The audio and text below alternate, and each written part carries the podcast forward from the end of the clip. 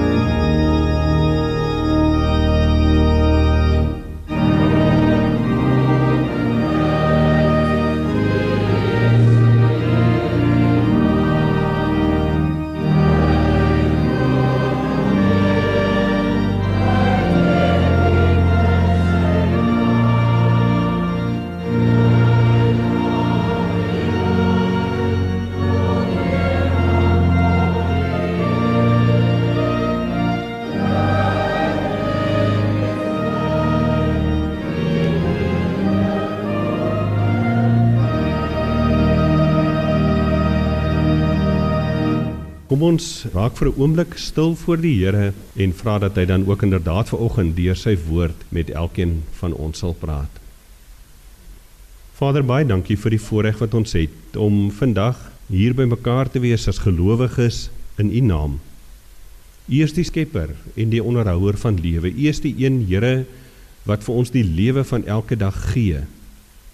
U is die een wat vir ons vanoggend wakker gemaak het en kon laat opstaan party bietjie moeiliker as ander dalk Vader, maar maar is die een wat vir ons die lewe van elke dag gee. En daarom eer ons U. Here Jesus, U is die een wat vir ons deur die kruisdood en die opstanding ook dit moontlik gemaak het om kinders van die lewende God te wees.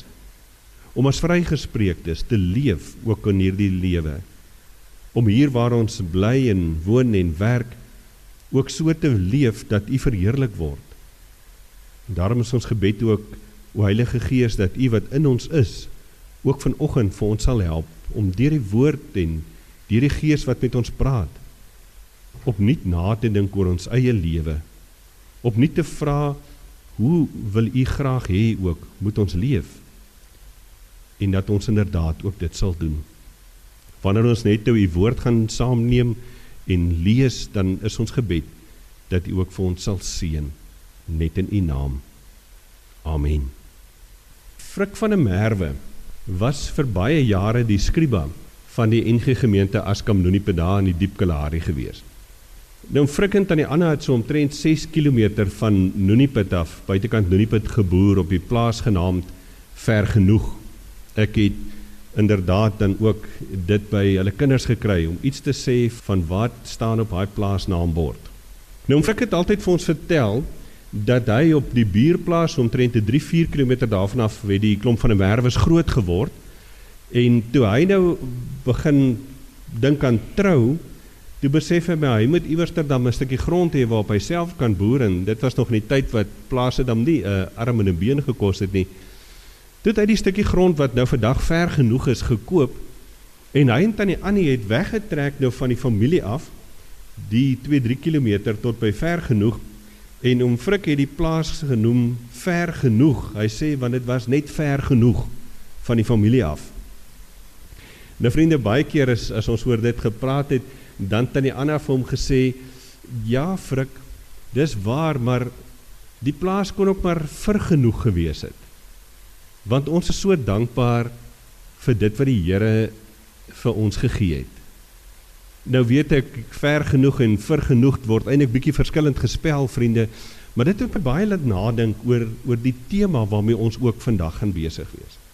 As ek nadink oor oom Frikkend en die ander se gesindheid, se lewensingesteldheid, dan wonder ek hoeveel van ons kan regtig vandag sê dat ons vergenoeg is.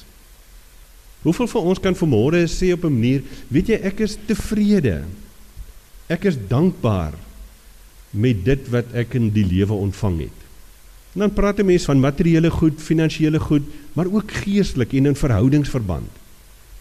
Hoe vergenoeg is ek en jy met die lewe wat ons het?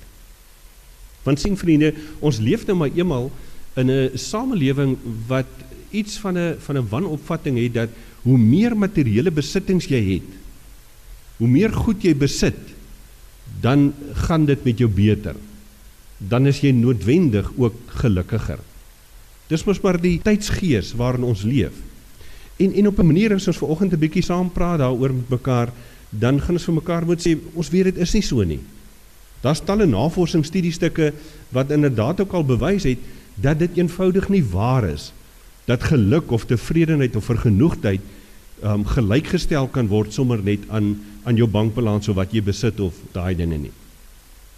Dit gaan oor iets baie meer, baie dieper. Het julle geweet dat die steekproewe wat die organisasie vir ekonomiese samewerking en ontwikkeling gedoen het, dat dit aandui dat Suid-Afrikaners op 'n skaal van 0 tot 10 sê Suid-Afrikaners dat hulle algemene lewensbevrediging net so 4,8 is. Net nou dalk kan jy sê vir oggend, maar weet jy so amper die helfte van die skaal, dis nie te sleg nie. Maar is dit? Ander navorsing dui daarop dat die mens nog nooit in sy lewe soveel welvaart beleef het as wat ons tans beleef nie. En ten spyte daarvan, vriende, sê mense ook dat hulle nog nooit so ongelukkig is in hulle lewe soos wat hulle vandag is nie. Hier slimme ouens sê die groot skuif het gekom in die 18de eeu met die industriële revolusie. Dit wat jy besit, het begin bepaal wat jou sosiale stand is hoe meer ou gehad het, hoe, hoe hoër was jy in die samelewing geag gewees. En geluk of tevredenheid of vergenoegdheid, soos ons vanoggend wil oor praat, het geskuif vriende. Dit was nie meer 'n innerlike toestand nie. Dit het iets geword wat gevolg is as gevolg van uiterlike impulse in 'n mens se lewe. Ons het begin dink dat die dinge, die goeders wat ons bymekaar maak, dat dit vir ons bevrediging in die lewe gee. Terwyl ons weet dit is eenvoudig nie waar nie. En nou weet 'n mens dat hierdie siening, hierdie van goed is al hoe belangriker, het op 'n manier tragiese gevolge in ons as mense se lewens. Ons weet van arm kinders wat hulle ouers by wyse van spreuke dwing om vir hulle die nuutste brand name klere te koop. In Desember 2017 is James Anthony Smith in Washington vermoor vir 'n paar Nike Air tekkies. En vriende, ons kan hoeveel ander gevalle in ons eie konteks en ons eie lewens opnoem waar mense se lewens niks werd geword het nie sodat 'n skelm met 'n selfoon of 'n skootrekenaar kan wegkom. Dinge het vir ons te belangrik geword. Voor 1957 het die meeste mense in Amerika hulle self relatief gelukkig geag. Dit was die tyd toe mense nog gereeld kerk toe gegaan het. Na 1957 sê die gemiddelde Amerikaner dat hulle ongelukkig is, onvergenoegd is met hulle lewensomstandighede. En is ook die tyd wat erediensbywoning afgeneem het. Nou kan jy vir my vra, maar wat het dan in 1957 gebeur? Vriende, in 1957 is die heel eerste winkelsentrum in Amerika gebou. En in ons eie konteks in Suid-Afrika is dit dieselfde. Beleef ons dieselfde. Volgens 'n studiestuk van die South African Council of Shopping Centres in April verlede jaar, besoek sowat 76% van alle Suid-Afrikaners 'n winkelkompleks een of twee keer 'n week. Dink gou aan jou eie lewe dalk. Hoe lyk dit by jou?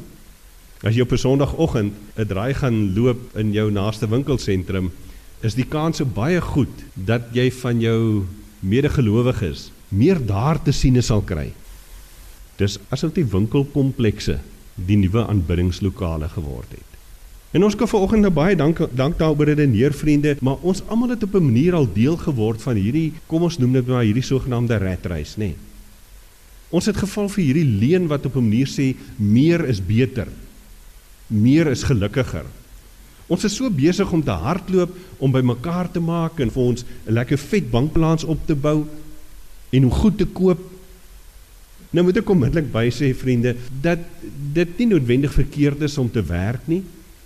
Dis mos nou nie verkeerd om besig te wees met die lewe nie om om op 'n manier te sê maar ons het 'n verantwoordelikheid om ook om te sien na hulle wat naby aan ons is, hulle wat die Here aan ons toevertrou het, natuurlik nie. God gee ook vir ons die talent en die vaardighede. Die vraag vir my gaan meer daaroor dat ons sê ja, ons mag met ons talente woeker, ons mag streef, ons mag opbou, maar ten koste van wat? Wat lê in die slag?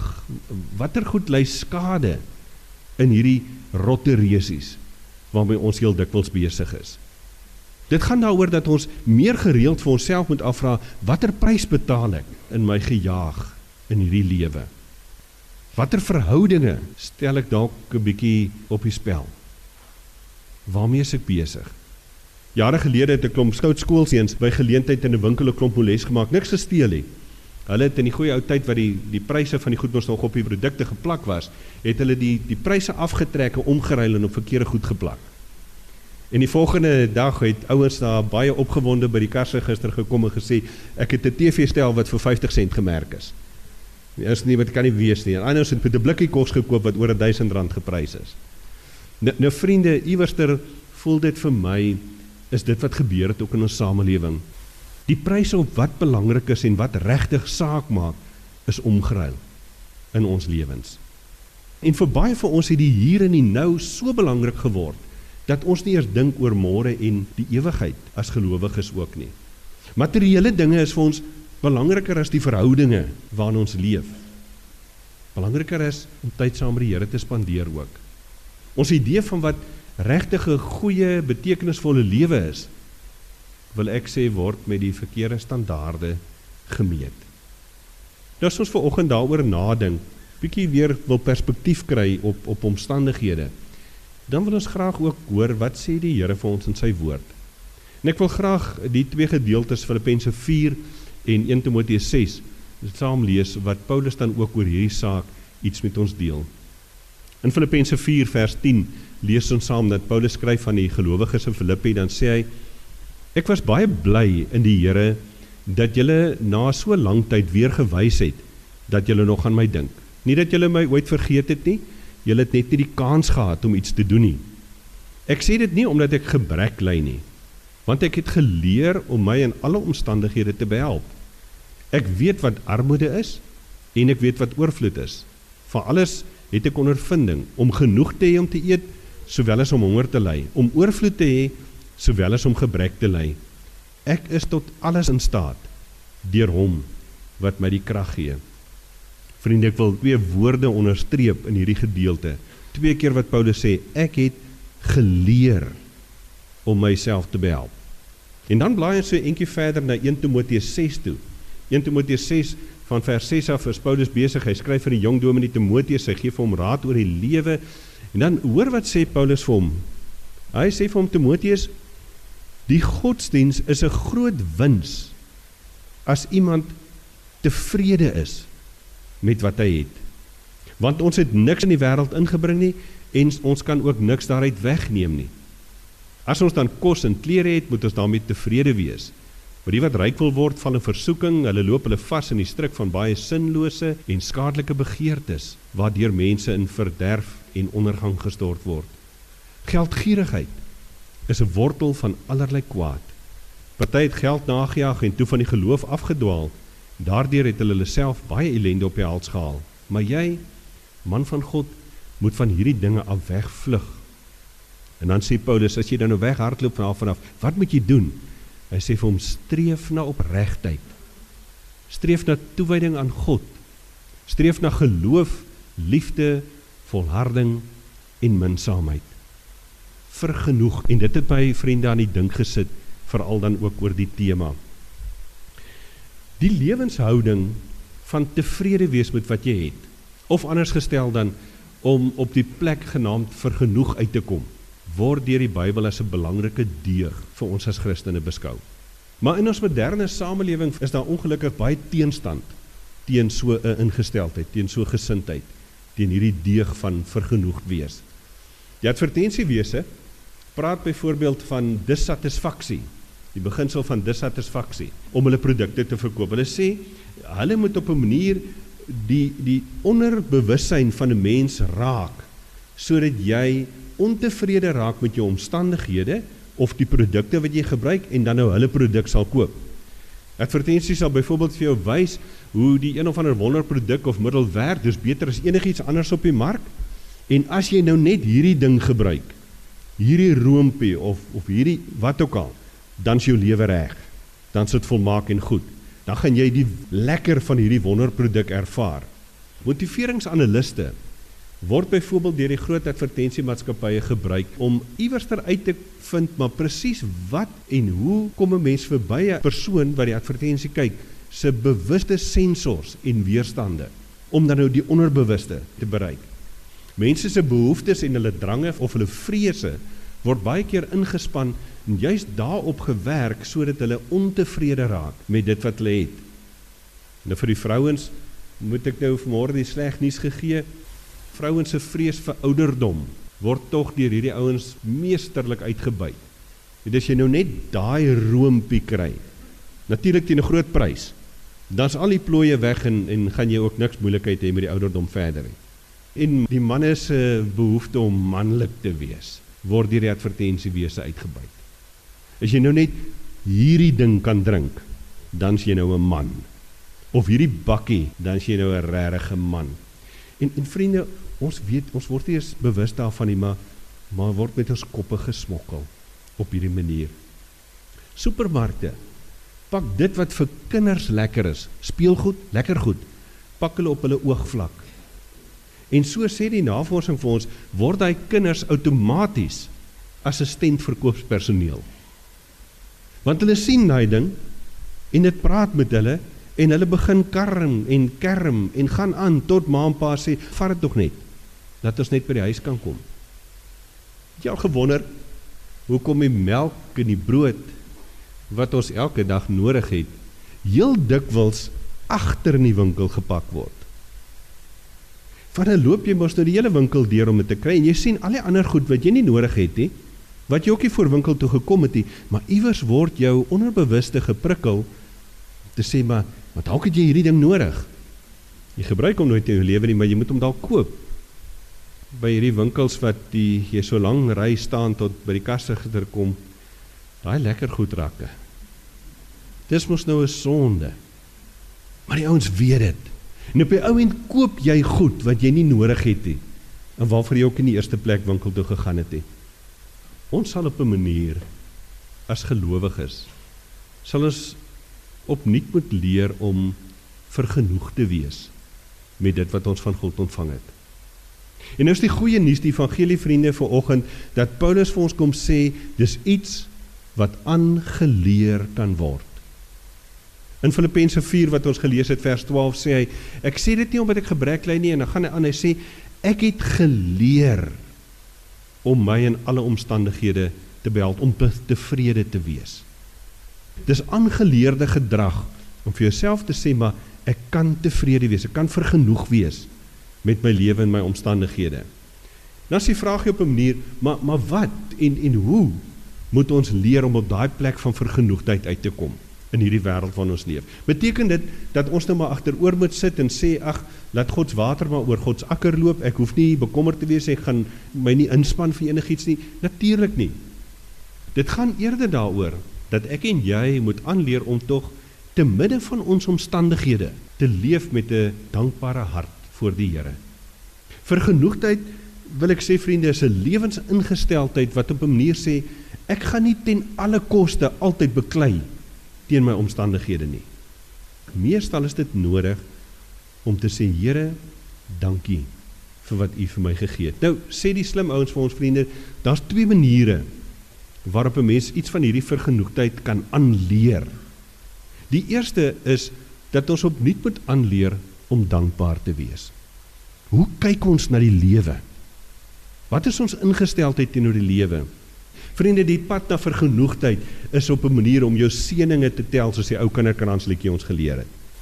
Kom ek kyk net wat is in my lewe? Wat het ek in my lewe? Of dit dan nou fisiese materiële goed is of verhoudingsgoed, wat ook al, wat is daar in my lewe? En met 'n stukkie dankbaarheid teenoor die Here te leef daarvoor. Miskien is dit tyd in ons lewens dat ons regtig weer mooi sal genading oor die manier waarop God ons elke dag seën. Miskien kan ek vanoggend vir jou vra om so vir 'n oomblik net na te dink oor jou lewe om die spreekwoordelike balansstaat op te trek oor die plusse en die minusse en net so bietjie te sê maar hoe lyk dit in jou lewe regtig? Natuurlik verskil ons omstandighede van mekaar. Natuurlik sal daar van julle wees wat vanoggend vir my kan sê, maar wie Heinrich, jy het nie 'n idee van wat in my lewe regtig aangaan nie. En dis waar ek ek erken dit. Maar vriende, ek glo met my hele wese dat as ek en jy vanoggend baie baie eerlik gaan kyk na ons lewens, dan sal ons almal op die een of ander manier kan getuig van God se genade en van sy seën in ons lewens. Is nogal ironies dat mense met wie dit baie keer regtig baie swaar gaan. Dat sulke ouens dikwels diegene is wat met 'n groter stuk dankbaarheid leef elke dag. Een van die ouens wat op straat bly en redelik gereeld my lewenspad kruis met wie ek te doen het en ons in die kantoor ook. Hy sê baie keer vir my as ek hom vra, "Hoe gaan dit met jou?" Dan sê hy vir my, "Nee, Dominee, dit gaan goed." Ek het elke aand 'n plekkie waar ek my komberse kan neersit en elke dag is daar iemand wat vir my kos gee. Vriende, en ek sal nie sy naam noem nie. Behalwe daai beddegoed pakkie en die klere aan sy lyf het hierdie man niks. Maar hy is dankbaar vir wat hy beleef wat hy het. Dis dankbaarheid. Dankbaarheid om te sê ek kyk na my lewensomstandighede, ja, daar's dalk goed wat nie lekker is nie, daar's dalk goed wat kort, Maar kyk net wat het ek. Kyk wat het ek wel.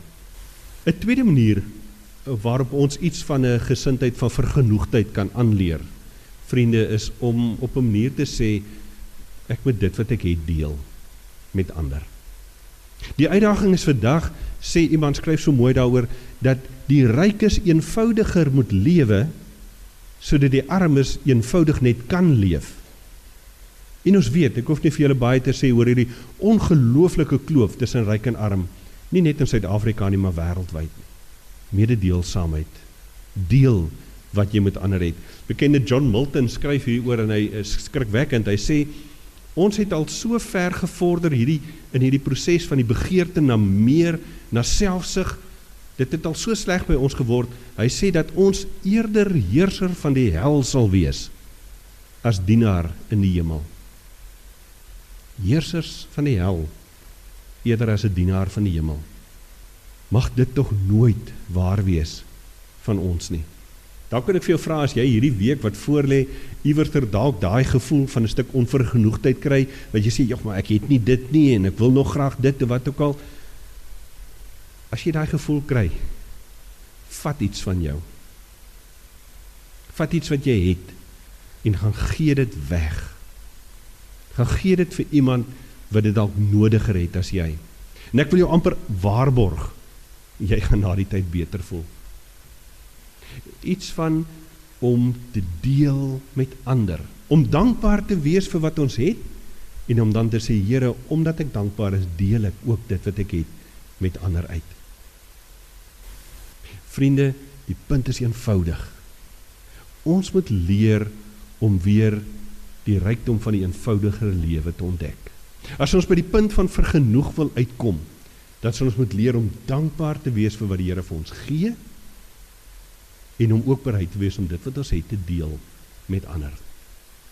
In plaas daarvan om onvergenoeg en ontevrede te wees, kan ons eerder streef na sê Paulus vir Timoteus na 'n stuk opregtheid, na 'n stuk toewyding aan God, na die uitleef van jou geloof in liefde en volharding. En dan sê Paulus ons oor minsaamheid. Minsaamheid is juist daai omgee vir ander.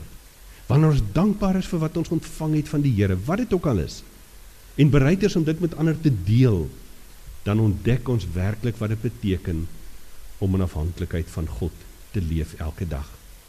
Ek wil afsluit. Kom ons ontdek weer die rykdom van 'n een eenvoudiger lewe.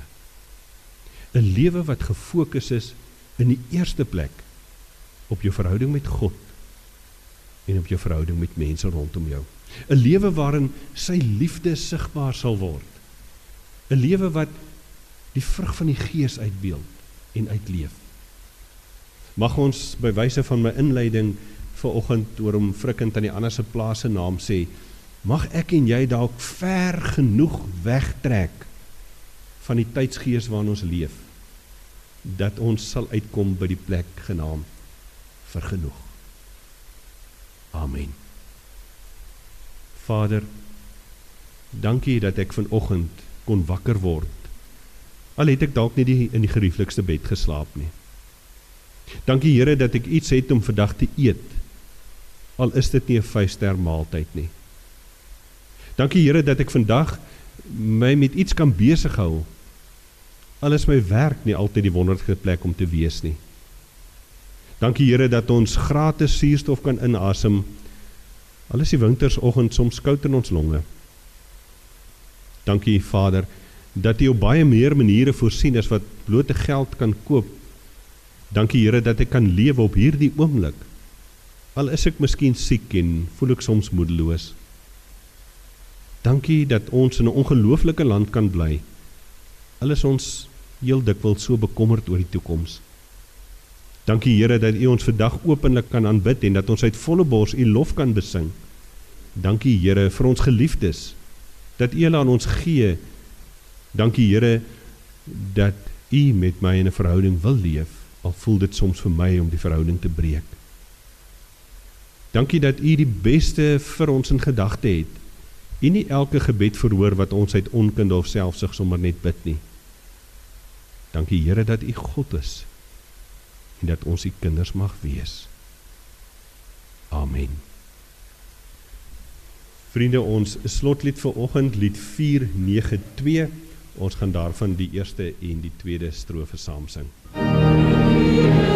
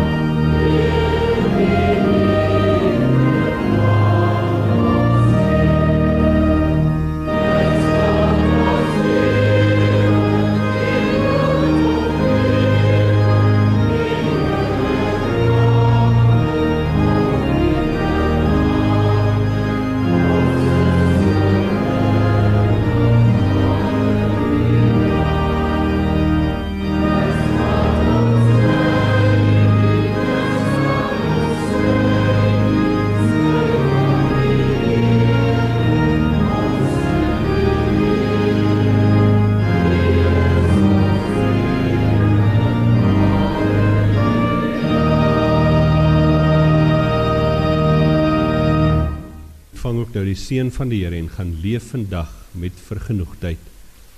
Mag die Here jou seën met ongemak oor maklike antwoorde, halwe waarhede en oppervlakkige verhoudings sodat jy uit die diepte van jou hart kan leef. Mag die Here jou seën met woede oor onreg, onderdrukking en die uitbuiting van mense sodat jy kan werk vir geregtigheid, vryheid en vrede. Mag die Here jou seën met trane om te stort vir mense wat pyn, verwerping, honger en oorlog ervaar sodat jy 'n hand kan uitreik en hulle pyn in blydskap kan verander. Jan mag God jou seën met genoeg dwaasheid om te glo dat jy 'n verskil in hierdie wêreld kan maak, sodat jy dinge sal kan doen wat ander mense dink nie gedoen kan word nie. Ja mag die genade van die Here Jesus Christus, die liefde van God ons Vader en die teenwoordigheid van die Heilige Gees so met jou wees en bly. Amen. Amen.